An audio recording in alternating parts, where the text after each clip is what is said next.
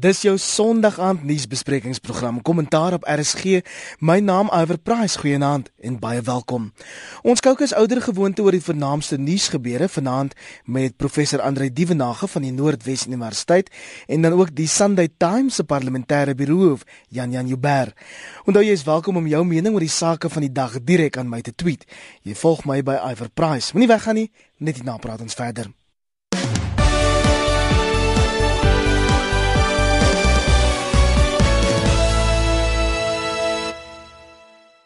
Kollegas, die land hou letterlik asems op vir president Jacob Zuma se staatsrede donderdag aand. Dit volg nadat die EFF vroeër gedreig het om die gewoonlik plegtige geleentheid te ontwrig as meneer Zuma nie vrae oor die Nkandla saak beantwoord nie. En dan het die Sunday Times boonop vanoggend onthul dat wagte in die parlement op selfverdedigingsklasse gestuur is om hulle self vir enige gebeurlikheid voor te berei. Jan Jan, wat is die storie hier? Jy weet plegtig is 'n mooi woord, vervelig is 'n ander woord. Jy weet partykeer sukkel die mense in die regering maar om Suid-Afrikaners so ver te kry om daarna te kyk. Dis glo belangrik, maar wie wil nou kyk na so lank en dikwels met ons huidige president eintlik vervelig en swak voorbereide toespraak. Hulle het selfs so 'n paar jaar gelede geskuif dat dit nou 7 uur in die aand is, nie meer in die oggend nie. Maar hierdie jaar hoef hulle nie daaroor bekommerd te wees nie. Almal gaan kyk. Ongelukkig gaan hulle nie kyk om te kyk wat die president doen nie. Hulle gaan kyk om te kyk wat die EFF doen. En dis die rol wat die EFF gespeel het met al sy foute, het hy die parlement die middelpunt gemaak van die Suid-Afrikaanse politieke diskurs en dink ek het die ANC uiteindelike oppositie wat hulle nou werklik waarmee ongemaklik is. Om terug te keer na die parlement hierso waar waar ek sit Dis eintlik hartseer om te sien wat gebeur. Ek dink nie in die ergste dae van PW Botha en die sekurokrate was daar so 'n gevoel van totaal ongegronde vrees by die instelling as wat ons nou sien nie.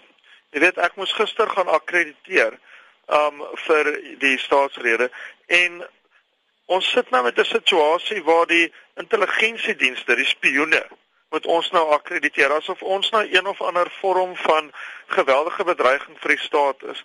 Dis 'n vreemde tipe paranoia wat in die regering is.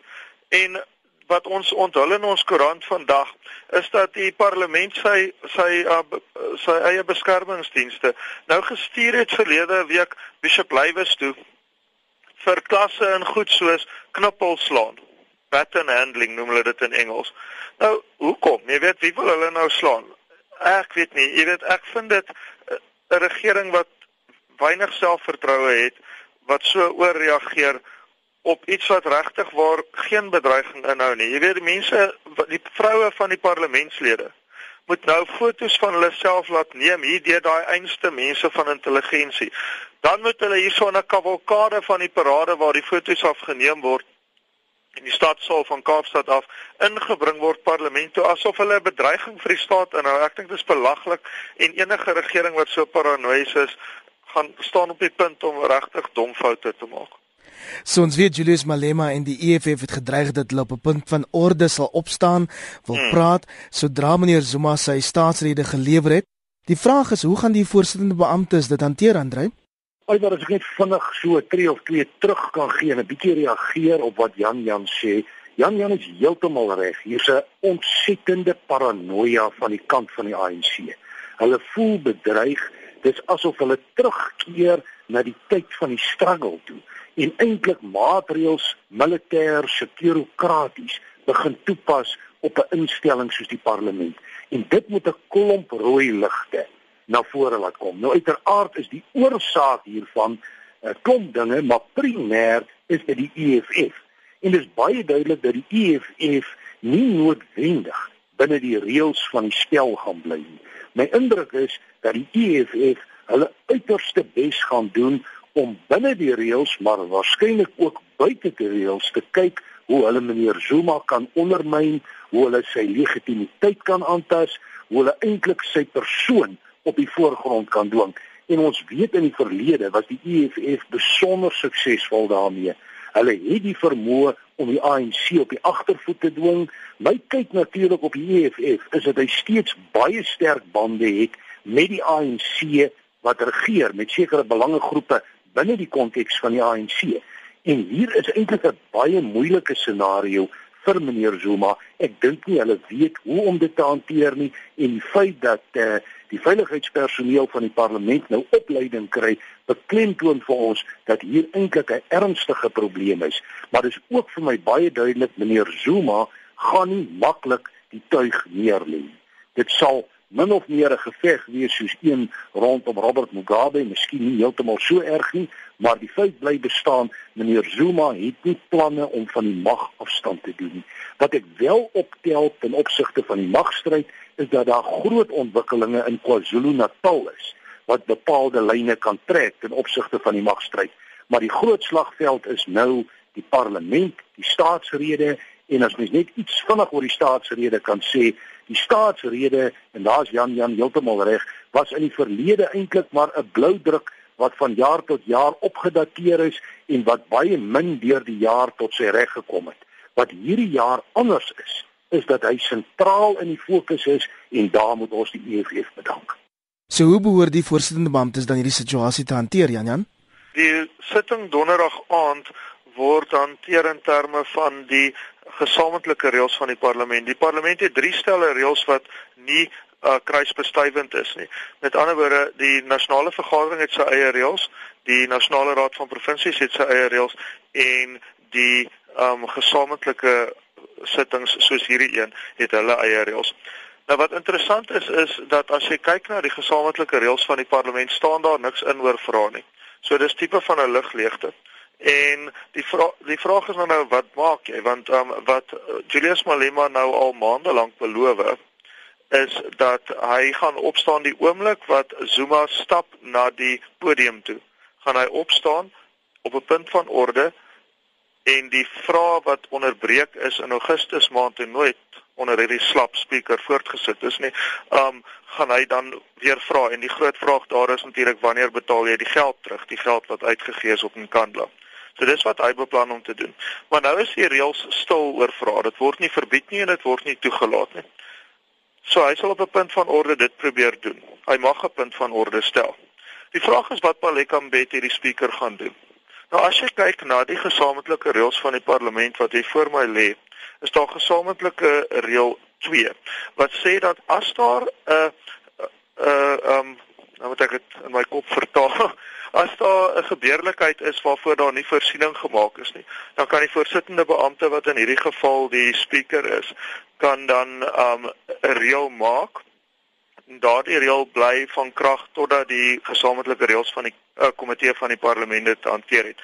Met ander woorde eintlik kan sy dan vir hom 'n reël maak wat sê jy mag nie vra vra nie. Of dit 'n goeie idee is in die praktiese politiek is 'n ander saak, want dit is wel 'n saak wat um in die parlement op regsterme beslis moet word. Maar die hele punt daarvan is dit word regstreeks op televisie uitgesaai en miljoene kiesers gaan hierdie jaar daarna kyk. So as sy lyk like, asof die president te bang is en die president lyk te bang om vrae te beantwoord, dan sal hulle die veldslag wen en die oorlog verloor. So dis nie heeltemal so maklik nie. Binne die reëls mag hy nie vrae stel nie, maar hoe sy dit hanteer gaan bepalend wees en as ek kyk na haar geskiedenis van dinge hanteer die afgelope jaar, waar sy elke keer haar meer verloor, dan dink ek dis 'n baie riskante handeling beide vir die EFF wat nou nie kan lyk asof hulle nou maar soos flou tee is nadat hulle soveel opspraak verwerk het nie en vir die ANC wat heel moontlik so paranoïes kan lyk as wat hulle in werklikheid na my mening is. Blekam Betty is nogal strydlustig. Die ander ding is as die EFF donderdag aan sy dreigement uitvoer om die staatsrede te kaap, gaan hy dit alleen doen. Dis nou duidelik dat die ander oppositiepartye nie daaraan gaan deelneem nie, Andre. Alwer ja, eh, die oppositie is daar op lyne verdeel, nie noodwendig dink ek in beginsel nie, maar meer in terme van strategie. En uh, ek dink Jan Jan is heeltemal reg. Baleka Mbeki gaan min of meer die patroon volg wat sy in die verlede gevolg het. Dit was nie suksesvol nie en ek dink 'n mens kan nie die scenario uitsluit dat die die sekuriteitsamptenare in die parlement heel waarskynlik sterk kan optree teen die EFF as hulle voel daar word bepaalde kodes oortree. Natuurlik gaan dit dan wees presies soos Jan Jan sê, wen die veldslag, verloor die oorlog. So hier is tipies wat die Engelse noem 'n catch 22 vir meneer Zuma en vir sy regering. En eintlik kan hy net verloor in hierdie proses. En uiteindelik gaan die EFF bepaalde krediete bou ten minste binne hulle eie konstitusie, maar waarskynlik ook daar buite en op sekere punte gaan die demokratiese alliansie en ander groepe ook voortgaan met die geveg teen Zuma, met die Nkandla kwessie, met die spionasiebande, met swak regering. Ek moet ook sê ek verwag dat die hele kwessie rondom Eskom en dit wat ons die laaste tyd in die media optel rondom Eskom een van die sentrale fokuspunte gaan wees en daar is meneer Zuma en sy administrasie myns insiens ook baie kwesbaar. Jan Jan voor ons aanbeweeg, jy's letterlik omtrent elke dag in die parlement. Verwag jy 'n bloedige onderonsie? Dit hang regtig af. Ek's nie besig om die vraag te probeer ontwyk nie, maar dit hang regtig af van of die spreker by haar eie selfbeeld wat wat voorgee om groot te wees en daarom waarskynlik klein is, kan verbykom en vir 'n slag rustig kan sit en met die slim mense in haar kantoor want daar is 'n paar kan sit en sê wat is die beste manier om hierdie te hanteer want hulle weet wat gaan gebeur. Ek weet nie of sy daar vermoë het nie. Ek het dit nog nooit gesien nie.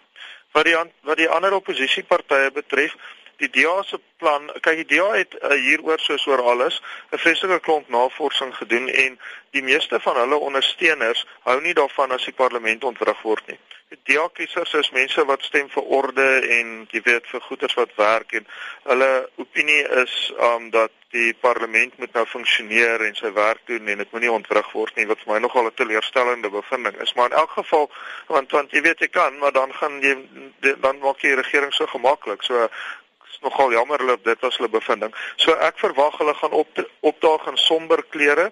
Hulle gaan nie so uitspattig lyk soos die ANC mense nie om te wys dat hulle besef dat ons in 'n tydperk van ekonomiese um ekonomiese swaar kry is en dat um die hoofsweep van die DA John Steenhuisen wat by verre die beste kenner van die reëls in die huidige parlement is daar sal wees om die reël te stel as die spreker hom nie toepas nie en die EFF op daardie manier en dus die res van die oppositie, jy weet, tot hulp te wees. Maar ek dink nie ons gaan weer die situasie hê dat as daar probleme kom, die DA-lede hulle self liggaamlik in die stryd stryd sal werk nie ongelukkig nie. Want um jy weet ek is nie teen gister van geweld nie. Ek is grootgemaak as 'n pasifis en ek is trots daarop. Maar wat wel waar is is dat die regering, hierdie regering, jy sien dit met die Anwar Ramat goed waaroor ons seker binnekort sal praat, waar die minister van van polisie homself gewoon nie steur aan die hof nie.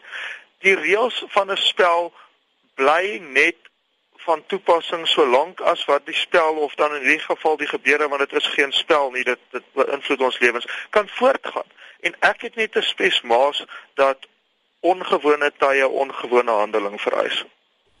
Anononies president Jacob Zuma die dood van die bekende skrywer Andre P Brink as 'n groot verlies vir die akademiese gemeenskap beskryf. Die 79-jarige Brink is op 'n vlug van Europa af na Kaapstad oorlede na 'n bloedklont in sy been en hy was op pad terug na Suid-Afrika nadat hy eredoktorsgraad in België ontvang het. Meneer Zuma het namens die regering en Suid-Afrika sy medelee met die Brink familie uitgespreek. Andre wil hierdie gesprek inlei oor meneer Brink se nalatenskap. Ja, meneer Brink is natuurlik een van die eh, se oud boek wat half die inisiatief geloop het destyds om die 60er jare die om die onstabiliteit van die 60er jare literêr te hanteer. En in die verband was hy een van die leiersfigure en hy daardie rol in die 70er jare voortgesit dit was ook 'n rol wat in sy werke sterk uitgekom het in terme van kritiek op die apartheidsbedeling. Mens dink byvoorbeeld aan die boek kennis van die aand wat 'n baie omstrede werk was vir sy tyd, maar dit is inderdaad so dat Andre P Brink een van die groter skrywers van ons tyd is. En in daai sin dink ek is dit 'n groot verlies. Ek dink hy laat 'n leemte wat nie maklik gevul gaan word nie en in daai sin dink ek is die land maar ook die Afrikaanse skryfomgewing armer met die afsterwe van Andre P Brink. Abram de Vries, die skrywer het ook vandag in 'n rapport gesê, hy sal nie net onthou word as 'n internasionaal gerekende skrywer nie, maar ook 'n reuse intellek en dan was dit vir my ongelooflike aanhandeling. Abram de Vries sê boekrak het op sy kop ingeval, hy het 'n enorme brein gehad. Hy het nooit iets wat hy gelees het vergeet nie, Jan Jan. Ja, kyk, um, oom Bram, de Vriese daarso dink ek die ding die ding vasgevat soos hy altyd doen, jy weet, en wat 'n voorreg is dit nie om om blootgestel te wees aan sy pragtige gebruik van Afrikaans nie. Maar wat ek van Andrei Brink gehou het, um is natuurlik hierdie dinge waarvan die mense praat, jy weet dat hy so dapper was en dat hy, jy weet Afrikaans en daaroor kan so dankbaar wees. Afrikaanse letterkunde relevant gehou het in 'n tyd toe 'n groot deel van die Afrikaanse gemeenskap irrelevant was tot die grootste deel van ons land se mense, naamlik in die tydperk van die hoogbloei van apartheid. En Andrei Brink het 'n baie baie hoë prys daarvoor betaal.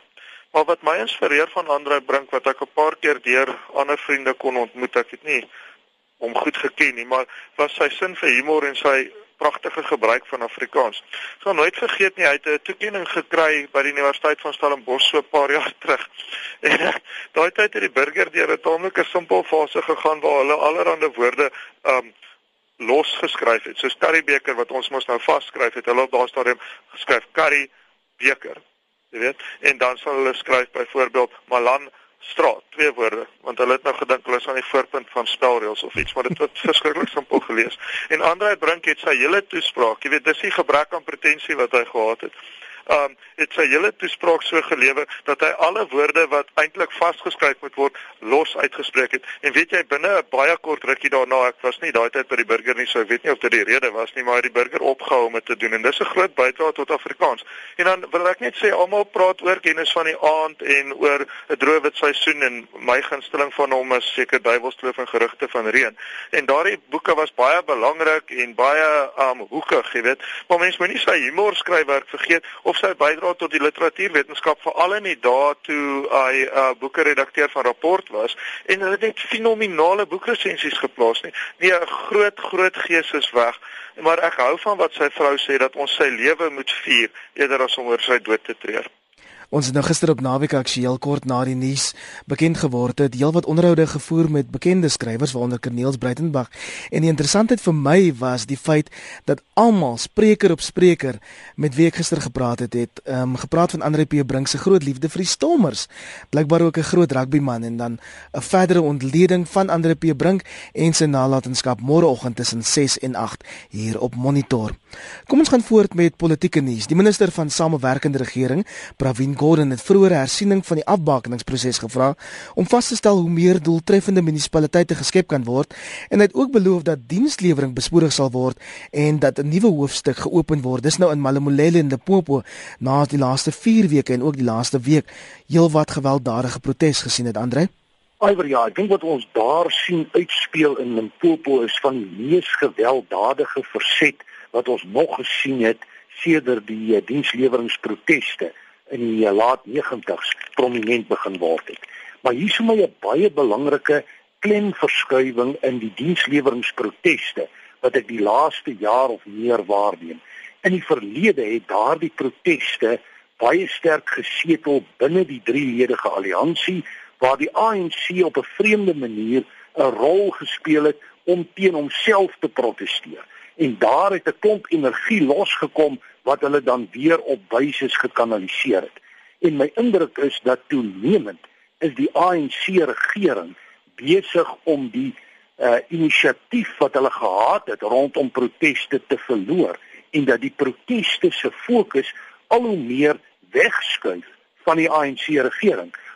Nou in Limpopo gesien, maar ons het dit ook gesien in Randfontein waar die proteste baie sterk gekoppel word aan die vryheidsvegters wat weer in beklemtoon dat die vryheidsvegters nie net praat bo in die parlement nie, maar ook doen op 'n voetsoolvlak. Ek is ook bewus daarvan dat daar hier in my omgewing toon oor die naweek heen uh, was daar probleme gewees wat ook gekoppel word aan kom ons sê nie ANC georiënteerde leierskap nie.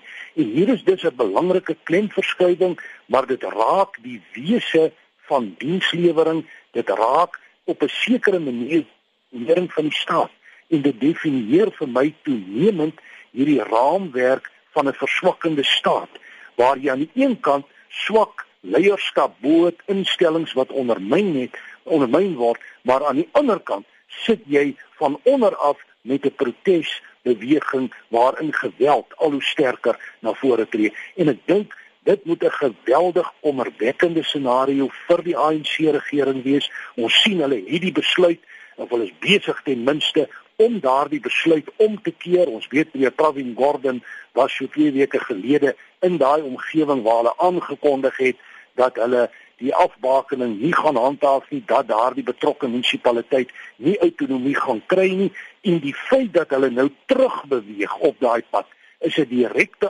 aanduiding dat die protes 'n impak gemaak het en ek verwag dat dit ook verdere momentum gaan gee aan protesbewegings wat buite die raamwerk van die ANC en drieledige alliansie lê. Ek het die verwikkelinge die week nogal gevolg en dit was my aanduidend dat die mense van Limpopo hulle hoegenaamd die steur aan die al die ministers wat in na Limpopo ingestuur is nie. Onder andere het ook gesê dat hulle eers vandag sal vergader of weer vandag sal vergader om te besluit of hulle protesoptrede gaan voortsit of nie en dit ondanks Pravin Gordhan se belofte dat daar geld van alle vlakke van die regering al van hierdie week af sal kom om die probleme daar uit te sorteer Jan Jan. Wel, meen ek dink hulle is radeloos, jy weet. Um as jy kyk, waar is Malamuleli? Dis daar naby Toyandou in Wenda, né? Dis so half is nie in die hoek van die land nie. Um baie van ons weet miskien nie heeltemal waar dit is nie. En die ding is dis maar mense wat nie al die geleenthede kry wat wat sê maar hier by ons in Kaapstad is nie. En nou hulle sit in met 'n uh, straat wat val onder Toyandou en hulle voel afgeskeep deur die stadsraad in Toyandou. En nou maak hulle vreeslike klomp moeilikheid vir die regering en is baie sterk, jy weet ANC stemmende in elk geval gemeenskap hoe nie vreeslik ANC ondersteunend as jy daarna kyk. Nou wat moet hulle nou maak? Jy weet, um hulle is so ver van alles af as hulle nie plek aan die brandsteek nie, dan kry hulle nie aandag nie en dis wat Andrei sê, jy weet, sulke swak bestuur dat dis omtrent die manier waarop jy aandag kry as jy nie geld het nie. So nou wil hulle hulle eie stadsraad hê. En dis waar ek vir Pravin Gordhan wat een van ons slimste ministers is, nogal verkwalik want hy weet mos nou hy hy uh, praat homself teen in daai stellings wat wat jy en ander aanhaal. Hy sê aan die een kant ons gaan munisipaliteite hê wat behoorlik funksioneer. Nou 'n munisipaliteit wat behoorlik funksioneer, moet 'n mate van kundigheid hê, maar hy moet heel eerste belastingbasis hê. Die rede hoekom hulle Moleli nie hulle eie stadsraad het nie, en dit is ook wat die munisipale afpakingsraad gesê het, is omdat hulle nie 'n belastingbasis het om dit te regverdig nie. So die antwoord is nie om die plek af te brand en dit nog verder te verarm nie. Hoewel dit miskien die enigste manier is hoe jy die mense wat die hele tyd oral in die wêreld rondvlieg, hierdie kabinet van ons so ver kry om te jy erken dat jy minstens bestaan. Maar die antwoord is beter bestuur van die um munisipaliteit in Toyandou waaronder hulle val. Hulle kan nie hulle eie munisipaliteit kry nie want hulle kan nie vir hulle eie munisipaliteit betaal nie. Dis nou maar die lank en die kort. So ja, hulle is reg in die sin van dienslewering, maar dit is heeltemal heeltemal verkeerd in die oplossing wat hulle voorstel. Dis dis my hartseer opinie. So daar's nie geld om vir hulle te sien nie. Waar wil Pravin Gordhan die geld vandaan kry? Ja nou, ons het nie eens geld om ons begroting te laat klop nie. So dis nie 'n bodemlose put nie. Ek dink die Malamuleli probleem gaan nie maklik opgelos word tensy die regering so eerlik is as wat hy hierdie week was in sy eie kringe al is dit dan nou nie met ons nie. Met 'n gelekte dokument wat die Mail and Guardian gepubliseer het om te sê ons kan ons beloftes nie hou nie. Andre verwag ons nog sulke protesoptrede in die aanloop tot die 2016 verkiesing. Alhoewel ja, as ons kyk na die groter patroon wat om in Suid-Afrika vestig en ek het 'n tyd gelede met statistieke gewerk van die Suid-Afrikaanse Instituut vir Rasseaangeleenthede, dan is dit baie duidelik dat die groter traject is 'n opwaartse traject. En wat my hiervan bekommer is, dit word toenemend lyk dit vir my 'n tipe van 'n politieke kultuur, soos Jan Jan sê, as jy nie geld het nie, dan proteseer jy, as jy nie dienste kry nie, dan breek jy verder af. En dit is 'n 'n bose kringloop wat ons uiteindelik nêrens gaan uitbring nie. En plaas jy dit in 'n ekonomiese omgewing waar daar geweldig baie druk is, dan is dit inderdaad so dat dit gaan opbou met die EFF as 'n rolspeler in die verband wat al hoe meer lyk dit vir my sy stem dit maak in terme van diensleweringproteste van die mobilisasie en organisasie van mense op 'n voetsoolvlak dan is dit baie duidelik dat hierdie tendens sal toeneem na die 2016 verkiesing. En ek dink die ANC regering word toenemend ook kwesbaar in die verband en ek kry die idee dat die EFF en ander groepe het begin bloedryk. Ons is bewus daarvan dat in jou groot stedelike omgewings, jou metropole, is die ANC baie kwesbaar en dit is juis hierdie omgewings wat soms geweldig baie energie kan verskaf vir onstabiliteit. En hierdie goed is nie heeltemal los te sien van ander tendense so xenofobie en vigilantisme en so aan. So dit lyk vir my of die omgewing polities gesproke baie meer onstabiel raak. En dit is my baie interessant met 'n studie wat ons hier op Potchefstroom gedoen het 'n tyd gelede en daar's baie in die media oor die studie gepraat. Dis die scenario ontledings van Frans Cronje. Was een van sy basis vertrekpunte dat die politieke omgewing moet polities meer onstabiel raak vorentoe. En dit lyk vir my ons sien toenemend meer getuienis dat daardie veronderstelling uh bevestig word. So ek dink hier is 'n moeilike tyd vir die regering voor in 20 uh, op pad in die 2016 verkiesing en die hele Eskom saga speel ook nie saam in die verband nie en gee verdere skietgoed. Ons is bewus daarvan dat die Eskom lyne nou begin bekommerd raak dat ons dalk met 'n nasionale krisis kan sit. So al hierdie sake in 'n pakket saamgegooi bevestig vir my dat ons eintlik vorentoe met 'n meer onstabiele omgewing gaan sit en dat hy baie sterk op die plaaslike vlak gaan manifesteer en dat diensleweringproteste na alle waarskynlikheid baie sterk gaan toeneem. Janjan die regering het dan ook basies erken dat hulle nie by sy infrastruktuurbeloftes sal kan uitkom nie. Ons het ook hierdie onthullings die week in die Mail and Guardian gesien.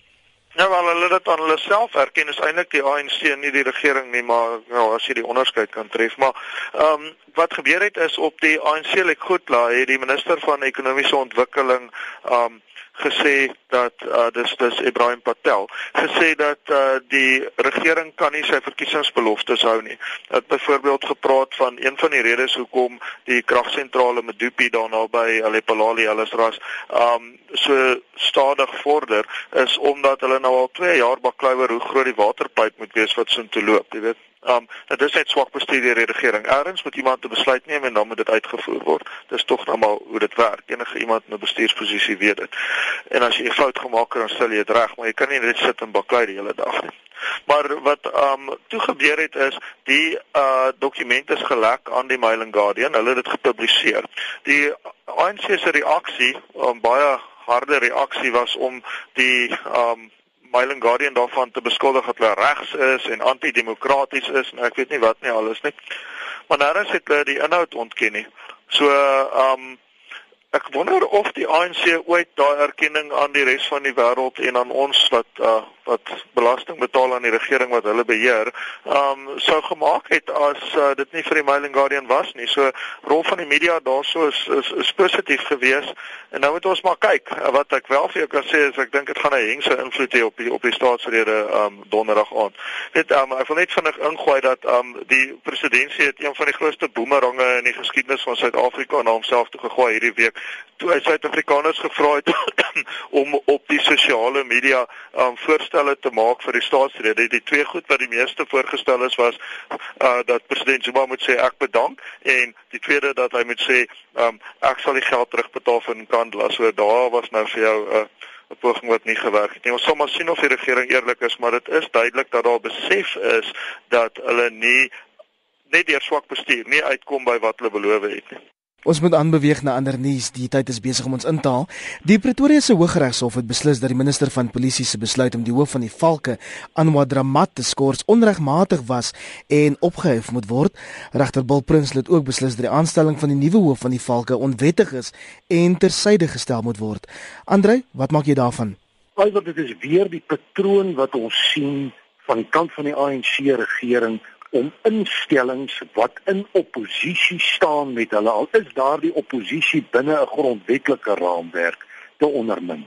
Dis baie duidelik meneer Dramat en ander is besig met baie sensitiewe ondersoeke wat baie senior personeel of loyaliste binne die ANC konteks kan benadeel en ons sien hier die sistematiese ondermyning van instellings. En wat my ook verder bekommerd maak op dieselfde lyn is dat een van die sentrale fokusse word nou ook die inkomste diens. En ons moet 'n bietjie begin om 'n lys te maak van die instellings wat in die laaste tyd geteken is. Die openbare beskerming. Jy kan kyk na die Suid-Afrikaanse inkomste diens. Ons praat nou van die spesiale ondersoekdirektorate en ons sien personeelwisselings op 'n redelike ernstige vlak en dis vir my 'n aanduiding dat die regering en spesifiek meneer Zuma en sy lojaliste baie bekommerd is en hulle teiken nou individue probeer hulle uithaal. Die ander kant van die uitspraak is natuurlik dat dit 'n uitspraak is wat die oppergesag van die reg beklemtoon en in daai sin moet 'n mens positief wees dat die regsinstellings nog sterk funksioneer. Natuurlik weet ons dat jy met regsinstellings ook op maniere kan werk dat hulle baie moeilike besluit kan neem deur appelle aan te teken, deur dit te verwys na hoër howe en so meer. Maar ek dink die uitspraak is 'n goeie uitspraak vir die demokrasie, vir die grondwet. Dit is slegte nuus vir meneer Zuma en uh, dis nie die enigste slegte nuus wat hy kry nie, so dis deel van 'n groter pakket wat die regering moet bestuur en dit lyk vir my en dit is my bekommernis dat die regering al hoe minder wil funksioneer binne 'n grondwetlike raamwerk dat hulle al hoe meer sekurokraties begin optree en dit bring ongetwyfeld 'n klomp rooi ligte aan. So Anwar Ramat kan terugkeer werk toe maak. Vermoed dit gaan nie vir hom baie maklik wees nie, Jan Jan. Nee, dit gaan nie. Dit gaan nie. Jy weet, ehm um, hy is maar hy's maar 'n pion in in 'n groter spel en dis wat ek so met Andre saamstem en ek's bly jy weet hy hy plaas dit vir ons in hierdie raamwerk wat sê dis nie net by die volke nie, dis by die openbare beskermer, by die inkomste diens by amper by selfs by die verkiesingskommissie. Maar jy weet daar's nou 'n manier om dit te kyk dat jy kan sê jette dis negatief, maar weet jy dit is nie. Dit is vir my verskriklik opwindend dat daar so sterk teruggestoot word deur Suid-Afrikaners wanneer individue of hulle nou in die regering is of nie, probeer om ons grondwetlike regte te ondermyn. Dit is my ontsettend opwindend dat mense wakker skrik en sê luister hierdie stadige neersuig in die modderpoel van middelmatigheid gaan nie gebeur terwyl ons hier is nie. En ek dink die regter het het 'n baie uitspraak gelewer. En dis ook hoekom dit van so opwindend is daardie um daardie breër um openbare diskurs waarna ek nou-nou verwys het rondom die staatsrede. 'n Onsekere regering sal altyd sy um toevlug neem tot kragdadigheid, maar dit werk nooit nie. So mense moet nou maar net onthou Afrika is nie vir sissies nie en eintlik is die gety besig om in die regte rigting te loop, naamlik die rigting van grondwetlikheid. Dis net 'n kwessie daarvan dat die magshebbers dit nie op hierdie stadium wil erken nie. As ons daarom net krag het om dit te oorleef, nee Jan Jan. Eskom het hierdie week gewaarsku, weer gewaarsku dat die kragnetwerk onder druk is en dat beerdkrag vanaand weer voortgesit word. Ek vermoed daar's baie luisteraars wat ons vanaand nie kan hoor nie. Uh, Iwer ja, die die implikasies hiervan vir die ekonomie wat reeds baie swaar kry is verrykend. Ek het 'n tyd gelede met besproeiingsboere gepraat en hulle is geweldig bekommerd. Hulle kan nie uh besproei soos hulle moet besproei nie. Ons het gehoor van instellings wat sê dit impliseer direk werksverlies. Wat my wel bekommer is dat die regering nie en hier het ons daadkragtige optrede nodig dat hulle nie daadkragtig optree en sterk besluite in die verband neem nie. En my vermoede is die enigste besluit wat hulle werklik hier kan neem is om Eskom as die alleen voorsiener as dit ware eenkant toe te skuif en die mark oop te maak vir ander rolspelers. Nou verstaan ek op die agtergrond dat meneer Cyril Ramaphosa wel met bepaalde rolspelers onder meer Sasol in gesprek was in onlangse tye, maar dat meneer Ramaphosa nie die mandaat altyd het om te handel soos wat hy wil handel nie, want die mandaat lê by meneer Zuma en dit lê by die nasionale uitvoerende komitee van die ANC wat besluitneming hier problematies maak. En in die tussentyd is die land besig om skade te ly. Uh, ons praat hier van 'n moontlike nasionale probleem wat kan ontwikkel en ek verstaan die kabinet is ook dien ooreenkomstig voorgelig. So dit is regtig 'n baie slegte scenario. Dit wys vir jou dat Eskom se wiele is besig om af te kom, dat die staatsadministrasie en staatsbestuur oor die laaste tyd al hoe meer tekens toon dat hulle nie werklik opgewasse is vir die taak wat hulle moet doen. En Eskom is bloot een voorbeeld in die verband. Ons kan ook verwys na die SAL, ons kan verwys na plaaslike regering in die algemeen en daar is ook ander voorbeelde. En die ergste van alles is dat ons net mooi niks daaraan kan doen nie en dat dit ons lot sal wees vir minstens die volgende paar jaar, Jan Jan. Ja, en die invloed daarvan op ekonomiese groei. Jy weet op hierdie stadium, ehm um, jy weet ander praat daar van die besproeiingsboere. Vir daai besproeiingsboere as hulle bly funksioneer, dan bly ons op beide vlakke, né? Nee. Nou, hoe moet ons groei as ons op hierdie stadium slegs, jy weet, daarop moet fokus om te handhaaf. Dis wat my bekommer want um eintlik is die hele Eskom ding en ek ek besef ek meen dis ook hoe ons nou maar praat vanaand dat dit simptomaties van ander probleme maar weinig probleme is groter as ons elektrisiteitsprobleem omdat die impak daarvan so enorm is op dinge soos ekonomiese groei. Uh weet jy Iwer ek is 'n taamlik positiewe persoon maar ek kan niks goed sien hierin nie. Ek meen dis regtig waar 'n baie groot probleem. Indien die oplossing lê by private elektrisiteitsvoorsiening Met mense net een ding onthou, ons sal dan meer elektrisiteit hê, maar dit gaan ons baie meer kos, want private instellings is daar is sal in die bedryf ingaan om geld te maak. Terwyl Eskom nie spesifiek dit as sy hoofmandaat het nie, is miskien een van die probleme hulle die elektrisiteitsprys dalk te lank te laag vasgestel en daarom het hulle nie genoeg inkomste gehad om om um, instandhouding te doen of wat ook al nie. Maar um, as ons dan nou meer krag kry, gaan dit vir ons duurder kos. Kollegas, die tyd het ons ingehaal, maar voor ons groet, die ANC in die Wes-Kaap het sy 2 dae lange Legotla en Ethlo naby Kaapstad gehou. Daar is gefokus op die heropbou van die party in die provinsie en die provinsiale leier Marius Fransman sê daar is nog dringende uitstaande kwessies wat bespreek moet word. Jan Jan, jy's nou in die Wes-Kaap. Wat het daar gebeur?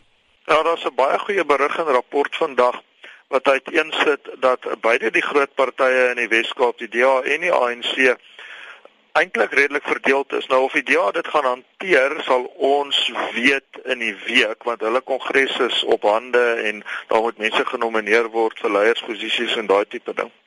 Maar wat die ANC betref, is meneer Fransman reg dat uh, hulle baie probleme het en ek sien daai hotel waar hulle was in Athlone uh, ek vir my 'n bietjie uh of al beter daar gesien het so ek dink dis nou aanduidend van uh van van hulle probleme. Maar die vraag is of hy 'n oplossing het en uh, jy weet gesien dat uh dat jy wat van daai probleme dalk voor sy deur gelê kan word dink ek nie die ANC se probleme in die Wes-Kaap gaan gou opgelos word nie. Ja, ek stem heeltemal met Jan Jan saam. Ek dink die uitdagings vir die ANC in die Wes-Kaap is geweldig groot hoe afhangende van hoe jy na die saak kyk en die getuienis wat my aanbetref staan sterk, is dat die DA as provinsiale regering onder Helen Zille eintlik baie goed presteer in vergelyking tot die ander provinsies in Suid-Afrika. En my beeld is die heeltyd dat die bruin gemeenskap in die Wes-Kaap voel in ANC terme gemarginaliseer en hulle voel baie sterk anti-ANC. Hulle is meer bereid om hulle te skik na die DA toe. Die groot vraag is, kan die DA ook sy huis in orde kry? Ons is bewus van ongelukkigheid en onstabiliteit in die verband, maar ons weet ook die DA het 'n manier om met hierdie sake redelik effektief te handel. So ek dink die wind waai maar redelik wes vir die uh, ANC in die Wes-Kaap, maar dit beteken nie dat hulle nie kragdadig gaan optree nie. Ek verwag dat hulle weer gaan begin met aktiwiteite om die regering van die tyd die provinsiale regering te ondermyn soos wat hulle gedoen het in sekere omgewings daar. So die ANC duidelik is op die agtervoet. Dit maak hulle desperaat, maar dit beteken ook hulle is meer gevaarlik. Kollegas is ongelukkig al waarvoor ons tyd het vanaand in kommentaar. Baie baie dankie. Professor Andre Dievenage van die Noordwes Universiteit Nancy Andre. Dankie Iwer, dankie Jan Jan. En dan ook die Sunday Times se parlementêre birohoof Jan Jan Jubber. Dankie, dit was lekker.